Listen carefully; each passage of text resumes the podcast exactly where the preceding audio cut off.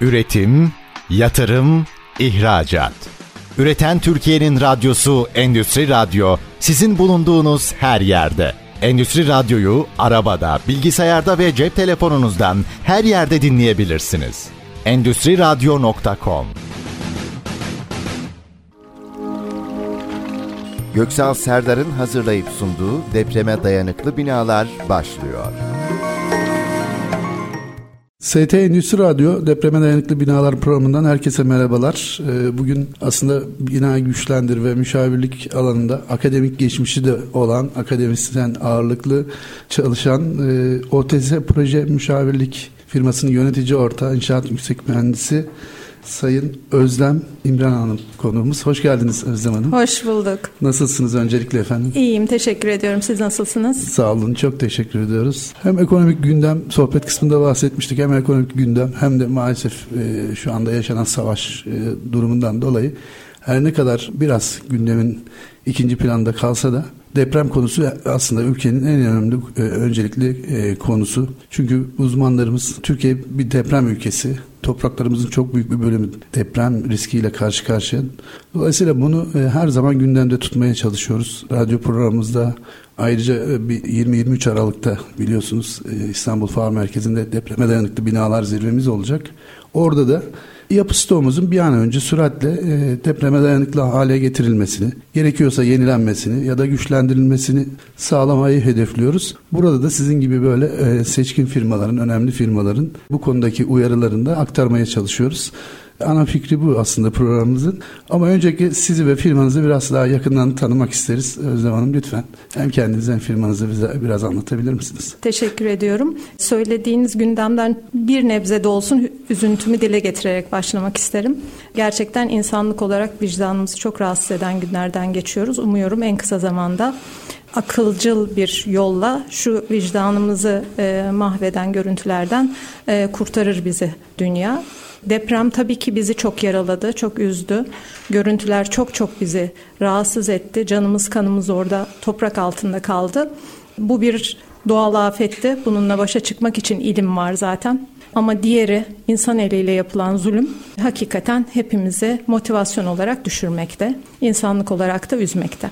Bize gelince belirttiğiniz gibi akademik background'da akademik kariyeri olan e, ortaklar tarafından yönetilmekte OTS proje müşavirlik. Ben belki de onların arasındaki en az teknik olan insanım. Daha çok yönetimde olan kişiyim. Farklı alanlarda kariyerlerim oldu. Bunların hepsini OTS çatısı ortaklığında devam ettiriyorum. O tecrübelerimi belki de OTS'ye yansıtıyorum şu anda. Son 12 yıldır bu grupla birlikte devam ediyorum ama öncesi de zaten 1965 yılında kurulan bir firmanın evrilerek devşirilerek geldiği bir firmadır OTS. 1965 yılında Vehbi Özden proje olarak kurulmuştur. Bizim ilk neslimiz. Şimdi biz ikinci nesil olarak götürüyoruz bu firmayı. Ortaklık yapımız 2005'te çok sevdiğimiz ortağımızın katılımıyla genişledi. Umuyorum üçüncü nesillere de aktarırız. Aslında en büyük hayalimiz yurt dışında da çok sıklıkla gördüğümüz yüzyıllara sari bir firma yaratmak. Dolayısıyla adımlarımızı da aslında bu fikirle dikkatli atmaya çalışıyoruz şirketimiz adına. OTS Proje Müşavirlik İnşaat Şirketi isimleriyle anılan bir şirket. Aslında bu da bizim faaliyet alanlarımızın sırasıyla yer almasından oluşuyor. Proje OTS'nin en güçlü olduğu, en çok tanındığı, hakikaten de çok tevazu gösteremeyeceğim bir alanı. E, çünkü çok emek veriyoruz. Müşavirlik bir sürü öne çıkan projede belki konuşulur. Müşavirlikte yapıyoruz. İnşaat ise bizim biraz daha butik gerçekleştirdiğimiz güçlendirme uygulamalarından oluşuyor. Dediğim gibi akademik bir kadronun ortaklık yapısından oluşmuş bir şirket şu anda bu şekilde çalışmaya devam ediyoruz.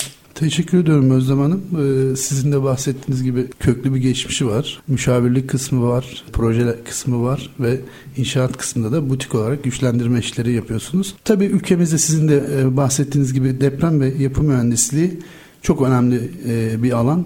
Geçtiğimiz günlerde bir konum vardı. Şunu ifade etmişti. Biz maalesef birçok noktada bugüne kadar yaptığımız inşaatlarda mühendislikten teknik anlamda hiç e, çoğunlukla istifade etmedik. Aslında deprem konusu da aynı şekilde. Bugüne kadar maalesef bu konulara yeterince eğilinmedi ve belki ihmal edildi ve bu ihmalin faturası da sonuçta ağır oluyor. Siz firma olarak deprem ve yapı mühendisliği alanında neler yapıyorsunuz Özlem Hanım? Şimdi hizmet portföyümüzün çok büyük bir kısmını güçlendirme, endüstriyel tesislerde ağırlıklı olmak üzere güçlendirme projeleri oluşturuyor Yüksal Bey.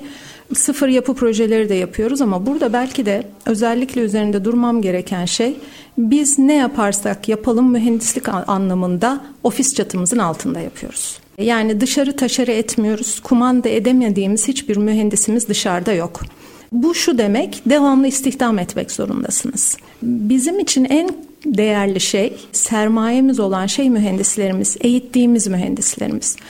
Dolayısıyla aslında belki de demin söylediğim gibi ileriki 25, 50, 100 yıllara adım atmak kararlılığımızın arkasında bize düşen şeyi yaptığımızı düşünüyorum. Biz sektörümüze mühendis yetiştiriyoruz. Hatta piyasada zaman zaman bunu da duyuyorum. Enstitü gibi bir ofis deniyor. Tabii ki gurur veriyor. Belki ben bu benim diğer ortaklarıma daha çok gurur veriyor teknik ve akademik oldukları için. Bana ise bir kaygı veriyor. Biz bir ticarethaneyiz, enstitü değiliz demek istiyorum ama bir yandan da çok ciddi bir gurur veriyor. Burada demin söylediğiniz konuğunuzun yorumu çok doğru çok uzun yıllar deprem ve mühendislik anlamında değil de e, müteahhitlik ve inşaat anlamında daha çok gündeme geldi bizim sektörümüz ve mesleğimiz. Halbuki bizim mesleğimiz bir bilim dalı. Kritik bir bilim dalı hem de. Yanlış yaptığınızda sonuçlarını hemen göremediğiniz bir bilim dalı. Bakın bu çok kritiktir. Mesela diğer mühendisliklerde bir yanlışınızı bir hafta, on gün, bir ay o makine işlemediği zaman, o tesis çalışmadığı zaman görüyorsunuz. Ama bizim bilim dalımızın çok aslında kapılar ardına gizli ve ne zaman çıkacağı hiç belli olmayan, sonucunu da ancak depremde görebileceğiniz bir özelliği var. Dolayısıyla bu bilim dalında yetiştirilen gençlerin çok iyi eğitim almaları ve iş hayatlarında da bu eğitimin devam etmesi şart. Bence biz mühendisliği böyle bakarsak hem mühendisliğe duyulan saygıyı arttırmış oluruz verdiğimiz emekle hem de sonuçları bize gelecek yıllara, gelecek yüzyıllara daha güvenli taşır diye düşünüyorum. Dolayısıyla biz öncelikle evet bir ticarethaneyiz ama biz birlikte çalıştığımız mühendis arkadaşlarımızı yetiştiren bir ofisiz. Ve çalışma kapsamımızda da her alanda herkes, her mühendisin her işi yapmasını bekliyoruz. Yani çocuklarımızı geliştirmek bu çünkü sektörümüzde var. Çocuklarımıza hep aynı şeyi yaptırırsak bir başka mühendislik dalını öğrenemez. Hep güçlendirme yaptırırsak sıfır yapıdan uzak kalır. Hep sıfır yapı yaptırırsak güçlendirmeden, tarihi eserden. Halbuki bir mühendis komple mühendis olmalıdır. En azından mühendisce bakma yetisini geliştirmemiz gerekiyor.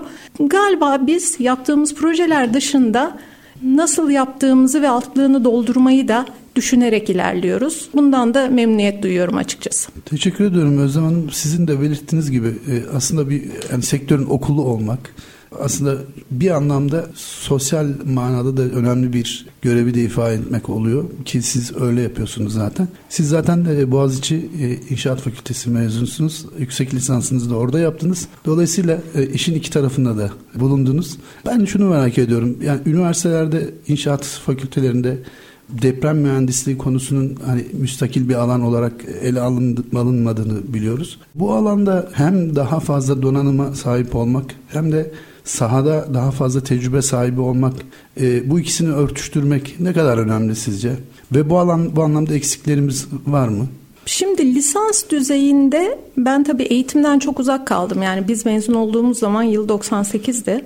Şimdiye kadar çok şeyler değişti. Üniversitelerde de değişti öne çıkan üniversitelerin bazı noktalarda geriye düştüğünü de görüyorum. Bizim zamanımızda öne çıkan üniversitelerin.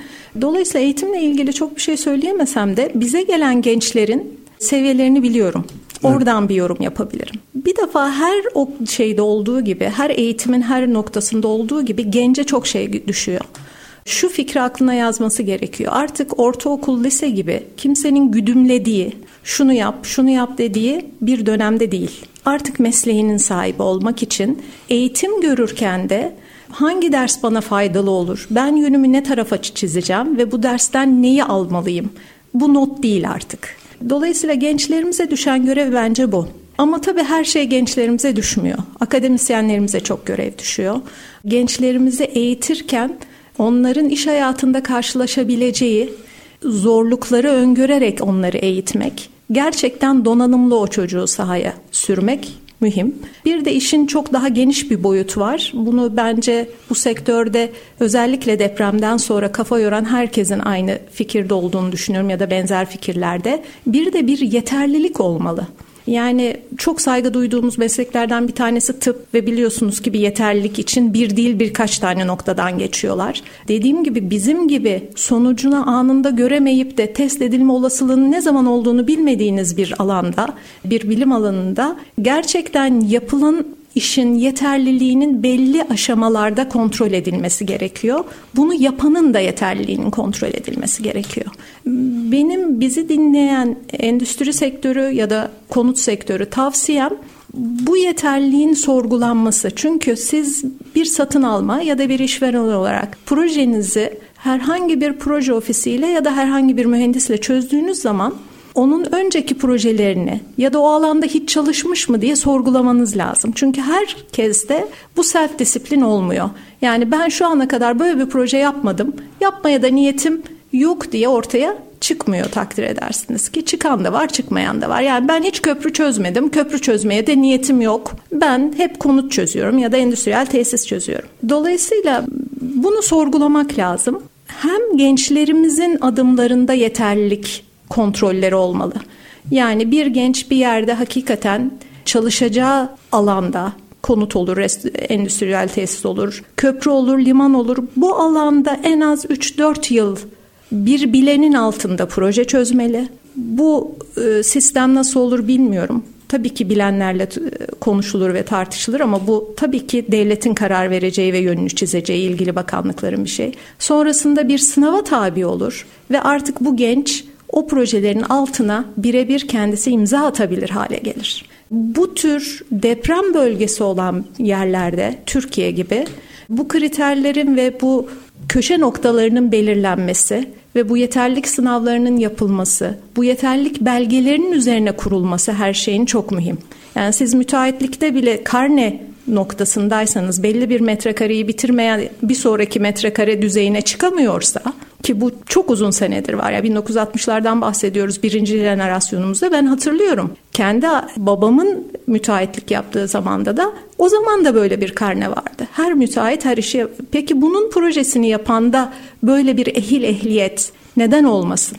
Çünkü proje inanın şimdi geçmişten çok daha değerli. Çünkü eskiden en azından benim olduğum ortamda müteahhitlerin projeyi kontrol edebilme yetisi vardı inşaat mühendislerinin, inşaat mühendisi olanların. Şimdi ise müteahhitler kendilerini sadece proje uygulayıcısı olarak görüyorlar. Halbuki müteahhit fenli mesuldür. Yani hem projeden hem her türlü imalattan mesuldür. Bu görevi ister istemez projeciye bıraktığı yerde projecinin suyun en başındaki insan olarak çok dirayetli ve bilgili olması gerekiyor. Benim düşüncem bu sektörde öncelikle proje yapacak grubun belli kriterlerden geçirilmesi. Yani müteahhit tarafında da başka şeylerimiz var. Müteahhitlerimizin de teknik ofislerinin olma zorunluluğu olmalı. Yani benim dışarıdan tespit ettiğim ki bu alanda ciddi anlamda çalıştım. Teknikte değil. E, müteahhitlerimizin deprem bölgesinde düşünüldüğü gibi beton kalitesi, demirden az kullanma gibi zafiyetlerinden çok yani bunlar yoktur demiyorum ama minimal olduğunu düşünüyorum. Artık bunlardan tırnak içinde söylüyorum. Çalma dediğimiz şey bugünün şeyinde çok az. Ama ne eksik derseniz bence müteahhit kanadımızda teknik ofis yani gelen projeyi değerlendirebilecek, taşerona yaptırırken o projenin gerçekten yaptırılmasını sağlayacak, bir demir bağlamanın kritiğinin nereden geldiğini bilecek, etriyenin bükülmesinin neden o şekilde olduğunu, başka türlü olursa neye zafiyet vereceğini bilecek sahada inşaat mühendisi olmalı. Bence müteahhitlerimizin buradaki ilk zafiyetleri buradan başlıyor. Hepsi sahada teknik ofis barındırmıyor. Teşekkür ediyorum Özlem Hanım. Hakikaten e, önemli uyarılar bunlar. Kesinlikle katılıyorum. Hem deprem yapı mühendisi anlamındaki uyarılarınızı hem de mühendislik tarafıyla ilgili. Hatta şöyle e, birinci bölümün sonuna yaklaşırken geçenlerde bir şey olmuştu bu konuyla ilgili. Müteahhit her şeyi bilmek zorunda değil. O yatırımcı falan deniyordu. Ama yani kendisini bilmesine gerek yok ama bunu bilen bir teknik ekibinin olması son derece önemli. Kısa bir reklam aramız olacak. E, bu keyifli sohbete ikinci bölümümüzde kaldığımız noktadan devam edeceğiz. Şimdi kısa bir reklam arası. Üretim, yatırım, ihracat. Üreten Türkiye'nin radyosu Endüstri Radyo sizin bulunduğunuz her yerde. Endüstri Radyo'yu arabada, bilgisayarda ve cep telefonunuzdan her yerde dinleyebilirsiniz. Endüstri Radyo.com ST Endüstri Radyo Depreme Dayanıklı Binalar programından tekrar merhabalar. İlk ilk bölümümüzde OTS Proje Müşavirlik ve İnşaat firmasının yönetici ortağı, inşaat yüksek mühendisi Özlem İmren Hanım'la e, aslında girişi yapmıştık. Önemli uyarıları oldu ki e, son derece yerinde aynen katılıyorum ben bu uyarılara. Bir de güçlendirme tarafıyla ilgili butik, butik işler yaptığınızdan bahsetmiştiniz Özlem Hanım. Bu alanla ilgili yeni e, nesil çözümler var. Yani eskiden farklı olarak farklı çözümler gelişiyor. Bu konuda biraz bizi aydınlatmanızı rica edeceğiz. Nelerdir bunlar? Evet, yeni nesil eski nesil e, dediğimizin ne olduğunu belki biraz anlatmak lazım. Bizim daha fazla konvansiyonel olarak alıştığı, dinleyicilerin de daha bildiği bir betonarme olarak güçlendirmemiz var biliyorsunuz. Kolonları büyütüyoruz, perdeler ekliyoruz, çelik müdahaleler yapıyoruz. Bunlar alışıla geldiğimiz güçlendirme sistemleri çok uzun yıllardır. Hala uyguluyor muyuz? Evet hala uyguluyoruz. İhtiyaç var mıdır? Evet onların ihtiyacı olduğu e, yapılar var. Ama bunun dışında hem işimizi biraz daha kolaylaştırmak hem yapıya belki ihtiyaç duyduğu enerji sönümleme ya da süneklik ihtiyacını vermek adına biraz daha alıştığınız ne kadar yeni nesil sayılır bilemem ama 2000'li yıllardan beri kullanmakta olduğumuz karbon elyaf ürünlerden bir tanesi. Çok daha yeni nesil olup depremden sonra piyasamıza biraz daha giren sönümleyiciler bir diğeri, izolatörler bir diğeri. Bunları kombin olarak kullanabilme yetisi yine projeciye ait. Dolayısıyla aslında yeni nesil ürünlerle ilgili ilk eğitilen, eğitilmesi gereken ya da kendine eğitmesi gereken grup proje grupları. Çünkü her biri birer aspirin değil, bir yapıda tek başına uygulanamayabilir. Her ne kadar sönümleyiciler içinde, zamanda karbon içinde olabildiğince bina işlerliğini ya da bu bir fabrikaysa fabrika işlerliğini kaybetmeden uygulanır. Dolayısıyla sizin boşaltmanıza gerek yok denip sanki torbadan çıkan bir mucizeymiş gibi lanse edilse de aslında bu ürünlerin tek başına yeterli olabildiği projeler kısıtlı sayıda ve bunu da aslında karar verecek olan projeci. Yani ben sadece karbon kullanarak bu bina yapabilir miyim yoksa burada farklı sıkıntılarım mı var? Buraya bir betonarme kesitme eklemeliyim gibi çok tekniğe girmek istemiyorum ama kombin kullanılabilir, tek başına kullanılabilir ama burada hedeflenen performansa göre bunu kullanacak olan projecidir. Yeni nesilde karbon birazcık daha gözlere gözlerin alıştığı epoksi malzemeyle uygulanan bir malzeme. Özellikle sargılama adı altında da biliniyor. Karbonla sargılama. Kumaş formu var, hasır formu var. Burada etrafı rahatsız etmeden bunu uygularızın içinde aslında bir parantez var.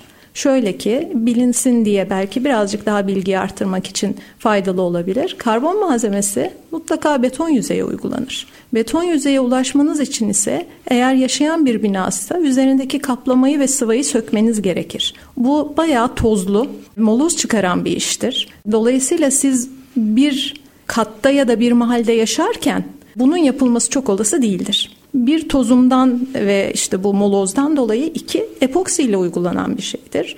Epoksi ise bir nebze devamlı solunması uygun olmayan bir malzemedir. Biz de uygulama yaparken zaten uygulamacı e, ustalarımızı koruyarak bu malzemeyle imalat yaparız. Dolayısıyla burada belki düzeltilmesi gereken algı karbon evet işe yarar ama sizin mahallede yaşamanıza da yüzde yüz izin vermez. Boşaltmanız gerekir güçlendirme yaparken. Ama en azından karbonla güçlendirilebilecek bir yapıysa, projeci bu yönde karar verdiyse temelden yukarı doğru bir imalat yapmanıza gerek kalmaz. Çünkü betonarme imalatlarda mutlaka bu betonarme imalatı aşağıdan temelden başlatmanız gerekir. Bu da ciddi anlamda bütün binaya aynı anda müdahale etmeniz demektir. Sönümleyicilere gelince enerjiyi sönümleyen ismini de buradan alan yeni nesil ürünler bunlar. Yurt dışından daha çok tedarik edilirken günümüzde yerel üretimlerinin de başladığını söylemek mümkün. Bu yönde argelerin devam ettiğini söylemek mümkün. Dolayısıyla şu anda belli başlı isimler altında olmasına rağmen kısa gelecekte daha da yerel üretimin artacağına inanıyorum ve bunu da destekliyorum. E, çünkü yurt dışından tedarik böyle depreme karşı ürünlerin yurt dışından tedariği çünkü bunlar proje bazlı çalışılan ürünler. Yani e, raf ürünü değil. Bana oradan üç tane sar gönder diyebileceğiniz ürünler değil projenizle birlikte paylaştınız ve tedarikçinin de bu yönde imalat yapıp gönderdiği ürünler. Bu şu demek. Bir, parasını nakden ödeyeceksiniz ki o imalat yapılsın.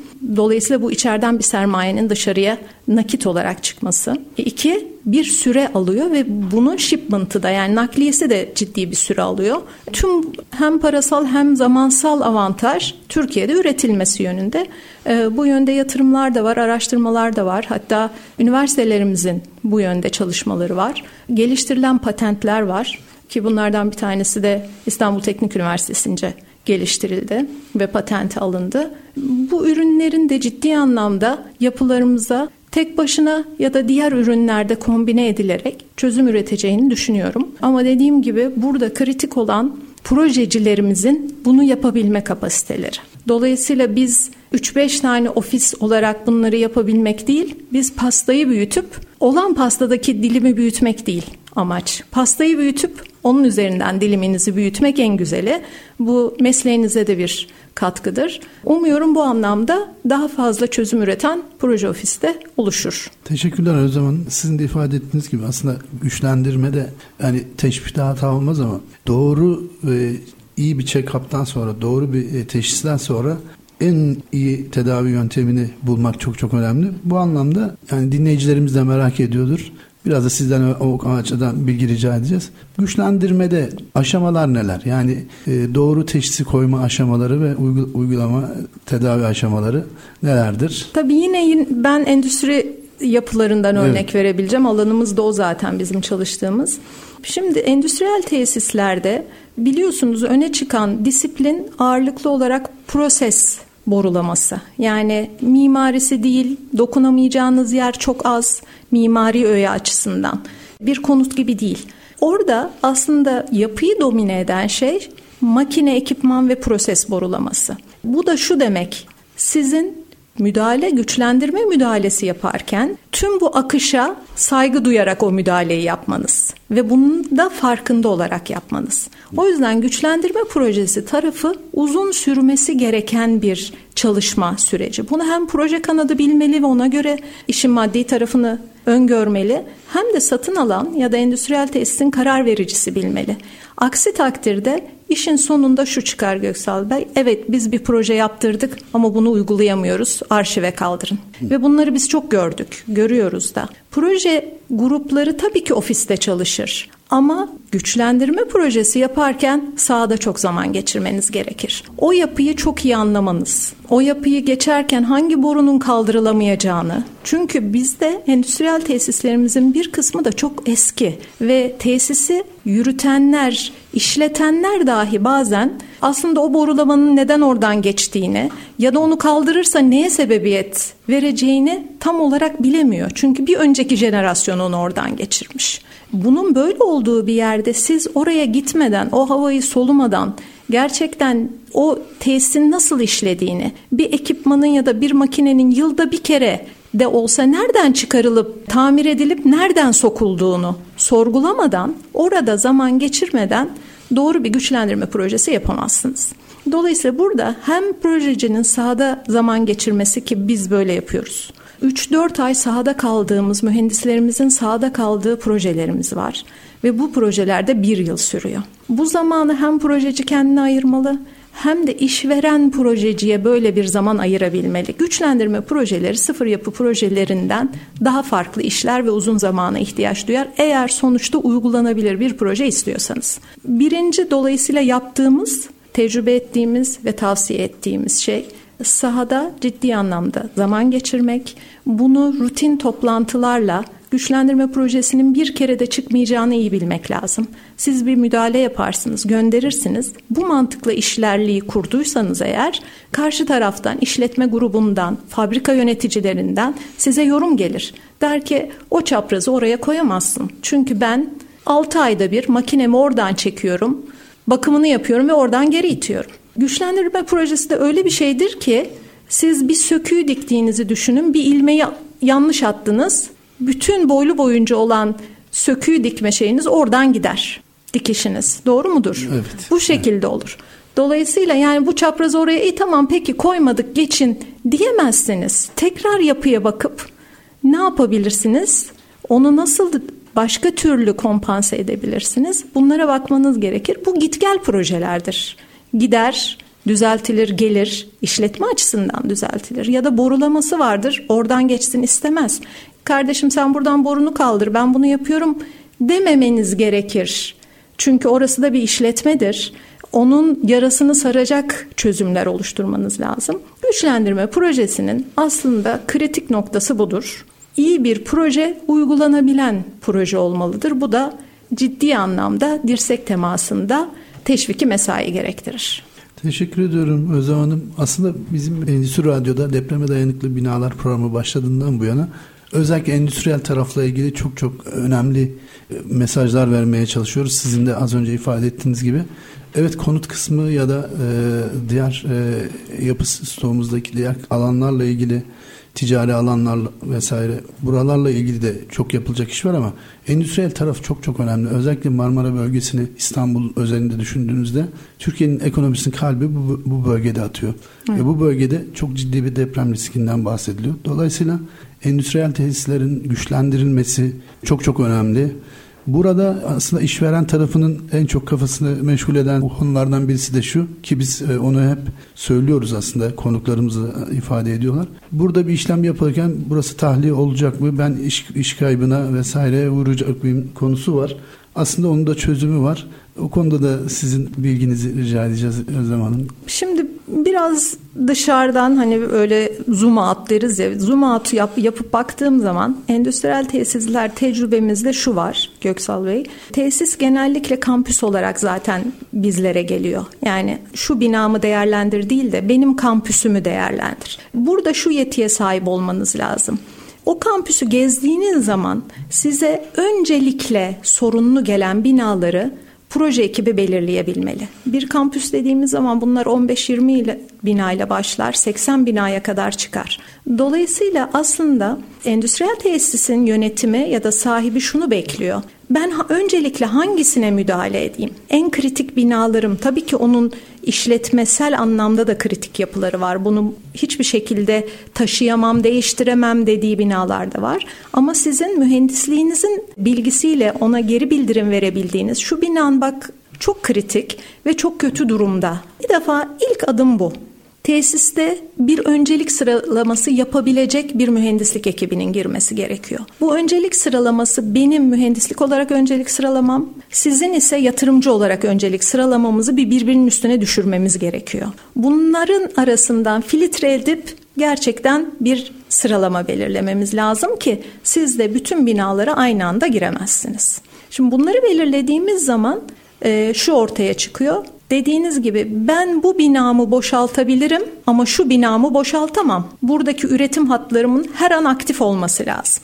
O zaman da yeni nesil çözümler devreye giriyor ve buna hakim olabilen ekiplerin bunu sunması devreye giriyor. Şöyle ki siz bütün müdahalenin belli bir kodda olmasını tercih edebilirsiniz. Yani çatı kotuna yakın, benden uzak, üretimimden uzak. Söylediğim gibi mesela sönümleyiciler bu yönde ürünlerdir. Ama her bu tür filtrelere girdiğinizde işin maliyeti takdir edersiniz ki artacaktır.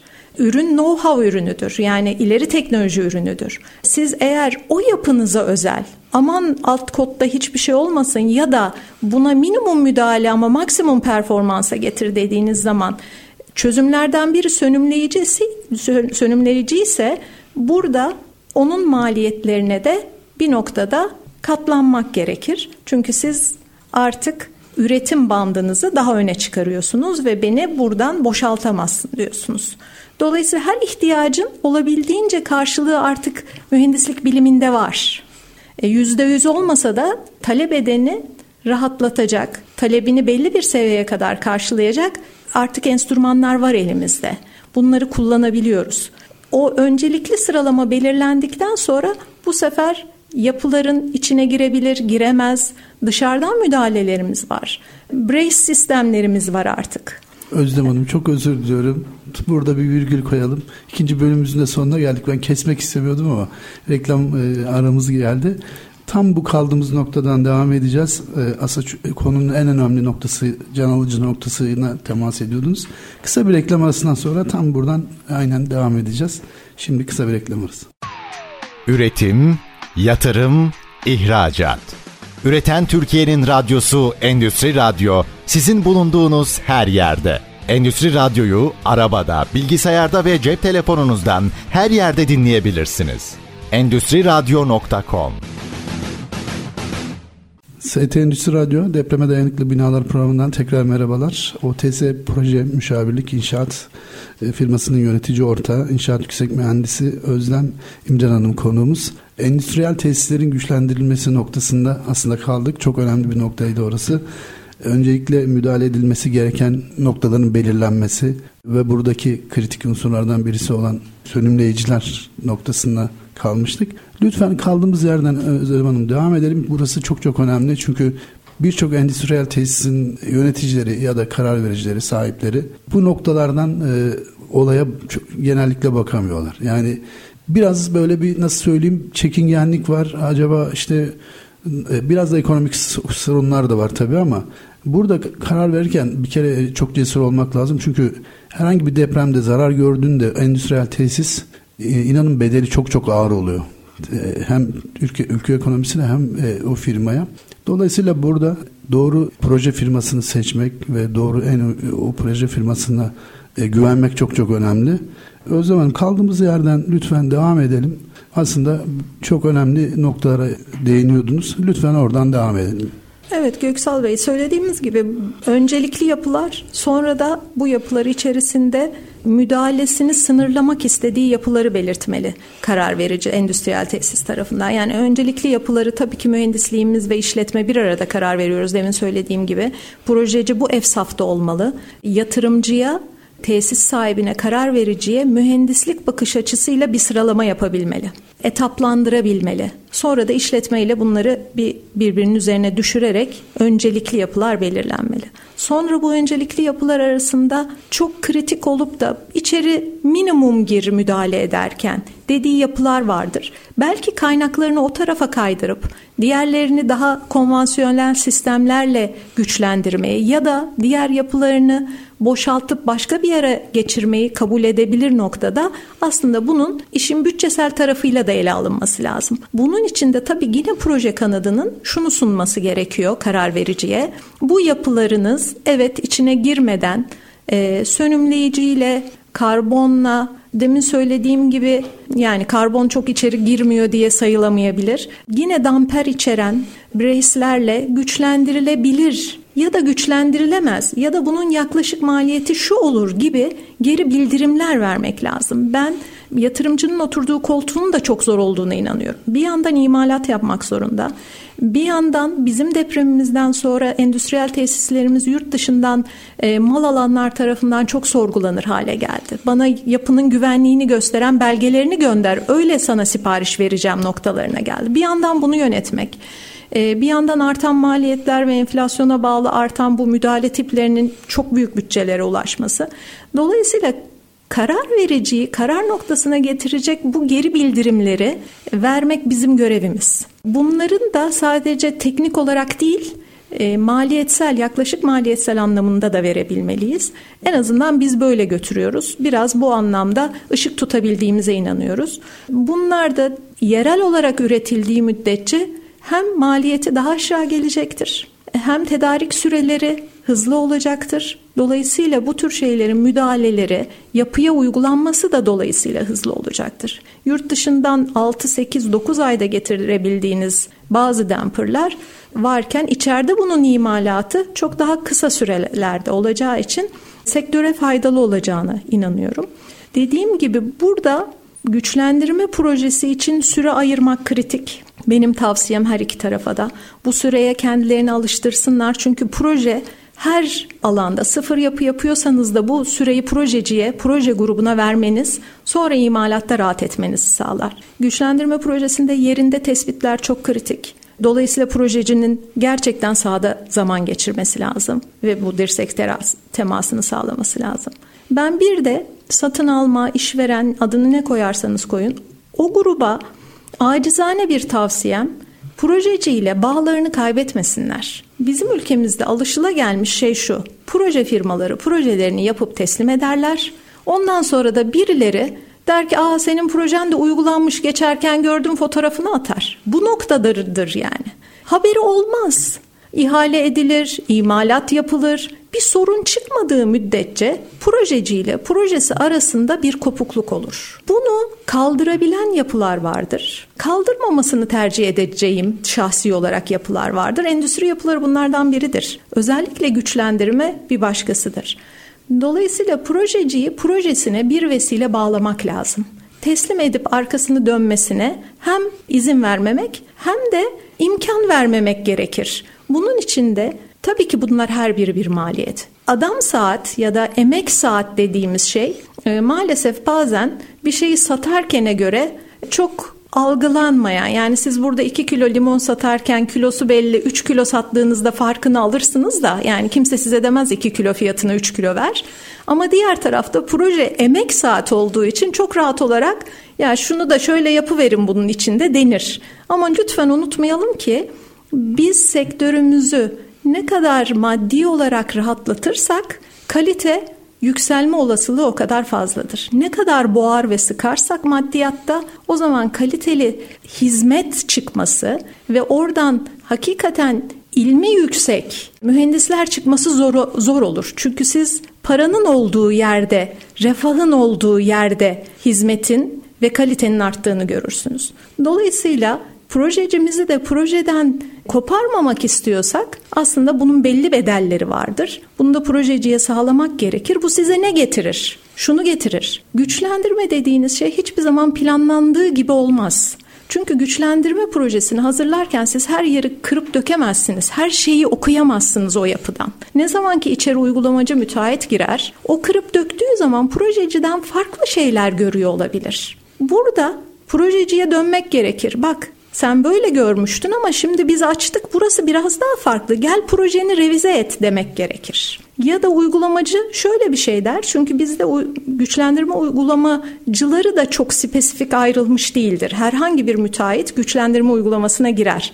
Ama güçlendirme demin söylediğim gibi sökük dikmektir. Bir ilmeği yanlış atarsanız herkesin emeğini mahvedersiniz. Dolayısıyla güçlendirme uygulamacısını da projecinin bir gözle ya ben bunu böyle düşündüm bu detayı. Dolayısıyla senin şu noktaya çok dikkat etmen lazım. Diyebilecek o teması kurdurmanız gerekir. Benim satın almacılara, yatırımcılara tavsiyem projecinizden iş bitip anahtarı teslim alana kadar vazgeçmeyiniz. Bunun da bir bedeli varsa bununla da ilgili fon ayırmanız. Çünkü uygulamaya göre projeler çok düşük fiyatlardadır.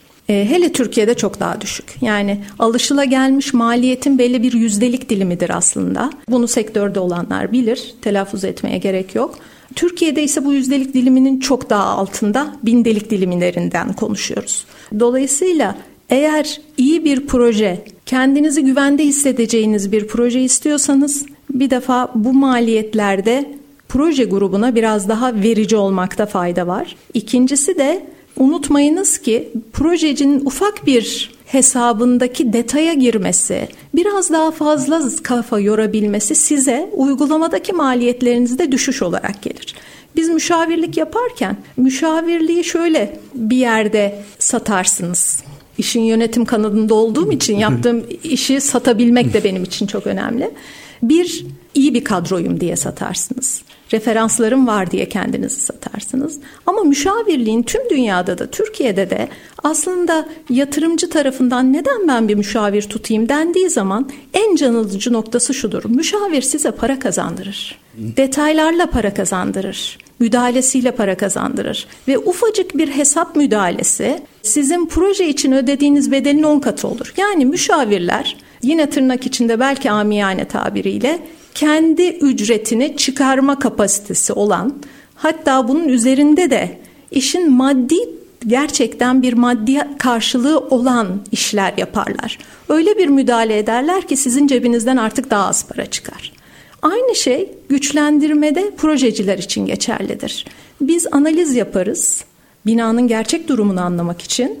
Bu analizi eğer layıkıyla yaparsanız sonra güçlendirme müdahaleleriniz azalabilir. Optimize diyelim, azalmak değil ama optimize edecek zamana ve paraya ihtiyaç duyar projeci. Optimize etmek için daha çok üzerinde çalışması gerekir. Dolayısıyla bunun da bir karşılığı vardır. Eğer projeciye bu imkanda çalışmayı verebilirsek karşılığı uygulamada çok ciddi rakamlarla bize geri döner. Çünkü binanın ben bazen öyle söylüyorum. Etinden, sütünden, her şeyinden faydalandırır. Biz olan bir binayı güçlendiriyoruz. Bu binanın kapasitesini olduğundan düşük kabul etmek çok kolay. Garantide kalırsınız. Mühendislik bilimi odur zaten. Sizi belli bir yüzdelik şeyiyle çalıştırır. Hep garanti tarafında kalırsınız. Ama siz eğer gerekli analizleri gerekli şekilde yaparsanız olması gereken optimizasyon seviyesinde çalıştırırsınız. Dolayısıyla uygulama miktarınız optimize olur artık. Safe site dediğimiz tarafta kalmak işin şeyi değildir. Mühendisliği değildir ideal yerde kalmaktır. Dolayısıyla projecinin ufak bir müdahalesi ya da üzerinde daha fazla zaman harcaması, gerektiği kadar zaman harcaması aslında son yatırımcıya imalat sırasında hem maddi hem zamansal ciddi zaman şey kazandırır. Pozitif bir sonuç kazandırır. Bu da benim acizane tespitim. Teşekkür ederim Özlem Hanım. Aslında çok önemli, çok kritik noktalara işaret ettiniz. Proje firmasıyla asla e, bağ koparmamak lazım ve sürekli e, irtibat halinde olmak lazım. Ama bir de şu var Özlem Hanım son 3 dakikaya giderken e, programımızda. Mesela bir örneği var bunun. Bir izolatör uygulaması yapıldı. Projeci firma, uygulamacı, proje renderde uygulama, uygulama yapıldı ve gidildi. Sonradan o projeye müteahhit firması farklı bir müdahalede bulundu proje firmasına uygulamacıya haber vermeden farklı bir müdahalede bulundu ve o bina depremde çöktü. Burası izolatörlü bina işe yaramıyor falan diye e, böyle e, haberler de çıktı. Halbuki esasında orada yapılmaması gereken projenin e, şeyine aykırı bir uygulama yapıldı ve o aslında şey devre dışı kaldı. Yani bu tarz yanlışlıklar da oluyor. Dediğiniz nokta çok önemli. Proje firmasıyla kesinlikle e, her aşamada sonrasında proje sonrasında da sürekli veya en küçük bir müdahale yapılması gerekiyorsa orada da onların fikrini alıp ona göre müdahale yapılması gerekiyor. Çok doğru. Bir de 2018 deprem yönetmeliği var bizim biliyorsunuz. E, bu minimum e, yani bina yıkılmayacak demek değil. Kısmen zarar görebilir ama içinden insanların canlı şekilde tahliye olmasını hedefler. Ama endüstriyel tesislerde fabrikalar, hastaneler, gibi mutlaka deprem sonrası devam etmesi gereken tesislerin aslında bu noktada ekstra bir güçlendirmeye de ihtiyaçları var. Yani bu minimum şartların daha üzerinde bir güçlendirmeye ihtiyaçları var. Bu çerçevede son sözlerinizi alıp Özlem Hanım ondan sonra müsaadenizle kapatacağız bu keyifli sohbeti. Zaman su gibi akıp geçti aslında. Çok güzel noktalara da değindiniz. Ben hiç müdahale etmek istemedim. Çünkü hakikaten e, kritik noktalardı. E, toparlamak adına son sözlerinizi alalım o zaman. Sonra müsaadenizle programımızı kapatacağız. Şimdi bu son söylediğiniz konuyla ilgili kısaca e, rakam verirsem daha rahat insanların aklında kalabilir. Endüstriyel tesislerimizin bir kısmı da büyük bir kısmı da yeni yatırımlar. Yeni yapılacak endüstriyel tesisler. Biz şöyle kabaca bu söylediğinizi oturup ofiste biraz çalıştık, çalıştırdık ve şuna vardık ki biliyorsunuz bir e, yapının Kaba maliyeti yapının yaklaşık %35'i civarında. İyi ihtimalle siz yaparsınız 35 ben yaparım 33 ama bu bu civarda bir şeydir. Ve gördük ki bu söylediğinizin e, farkı yani hasar görsün benim bir dam yeniden kullanılamaz hale gelsin ama içinden canlı çıkılsın bir kriter. Ama bizim daha doğru bulduğumuz bu depremden sonra ekonomik olarak çok büyük yük getirdiğini gördüğümüz bu tarz dizaynların. Bundansa hemen kullanımın daha doğru olduğuna inandığımız bir noktada da şunu görüyoruz. O kaba maliyetin %30 artmasına sebep oluyor. Bakın %35 hadi 40 deyin. Genel maliyetin %35-40'ı kaba, bunun da sadece %30 artmasına sebep oluyor. Bu genel içinde %10'luk bir maksimum %10'luk bir farka denk geliyor. Dolayısıyla lütfen bu yönlü taleplerini de yapsınlar e, yatırımcılar. Yani ben binamı hemen kullanım yapsam benim maliyetim ne olur diye e, proje ekiplerini sorgulasınlar. Görecekler ki belki de buna değebilecek bir sonuç alacaklar. Güçlendirme noktasında ise yapılarımızın yılı burada önemli. Bazen yapılarımızı güçlendirirken bina güçlendirmeleri şöyledir. Binayı analiz edersiniz dersiniz ki bu bina güçlendirilemez. Bunu bilin. Bazı binalar güçlendirilemez. Bu bina güçlendirilir ama çok pahalıya güçlendirilir maliyetinin 60'ına 70'ine varmış bir güçlendirme maliyeti sıfır yapıma göre feasible değil. Bu bina eğer %30-40'larda kalıyorsa sıfır yapı maliyetine göre %30-40'a güçleniyorsa okey. Şimdi böyle yaptığınız bir şeyde şu da var. Hemen kullanıma kadar güçlendiremeyebiliyorsunuz şu anda bazı endüstriyel tesisleri. Ee, ya da çok yüksek maliyetleri oluyor. Dolayısıyla orada biraz kararlar yatırımcıya kalıyor. Belki uzun planda uzun vadede yeni planlar kurmasına, sizin de o devrede en azından can güvenliğini sağlayacak kadar güçlendirmenize ve onun yatırımlarını yenilemesine kadar giden bir yol haritası oluyor. O karşılıklı görüşerek karar verilmesi gereken bir durum. ST Endüstri Radyo Depreme Dayanıklı Binalar programında OTS Proje Müşavirlik İnşaat firmasının yönetici ortağı İnşaat Yüksek Mühendisi Sayın Özlem İmran Hanım konuğumuzdu. Özellikle endüstriyel tarafla ilgili, endüstriyel tesislerin güçlendirmesiyle ilgili çok kritik noktalara dokundu. Bu mesajların aslında endüstriyel tesislerin yöneticileri açısından çok önemli olduğuna inanıyorum. Ee, bir kez daha teşekkür ediyoruz Özlem Hanım. Ağzınıza sağlık, ayağınıza sağlık bu keyifli sohbet için. Haftaya farklı bir konu ve konukla tekrar karşınızda olacağız. Şimdilik hoşçakalın.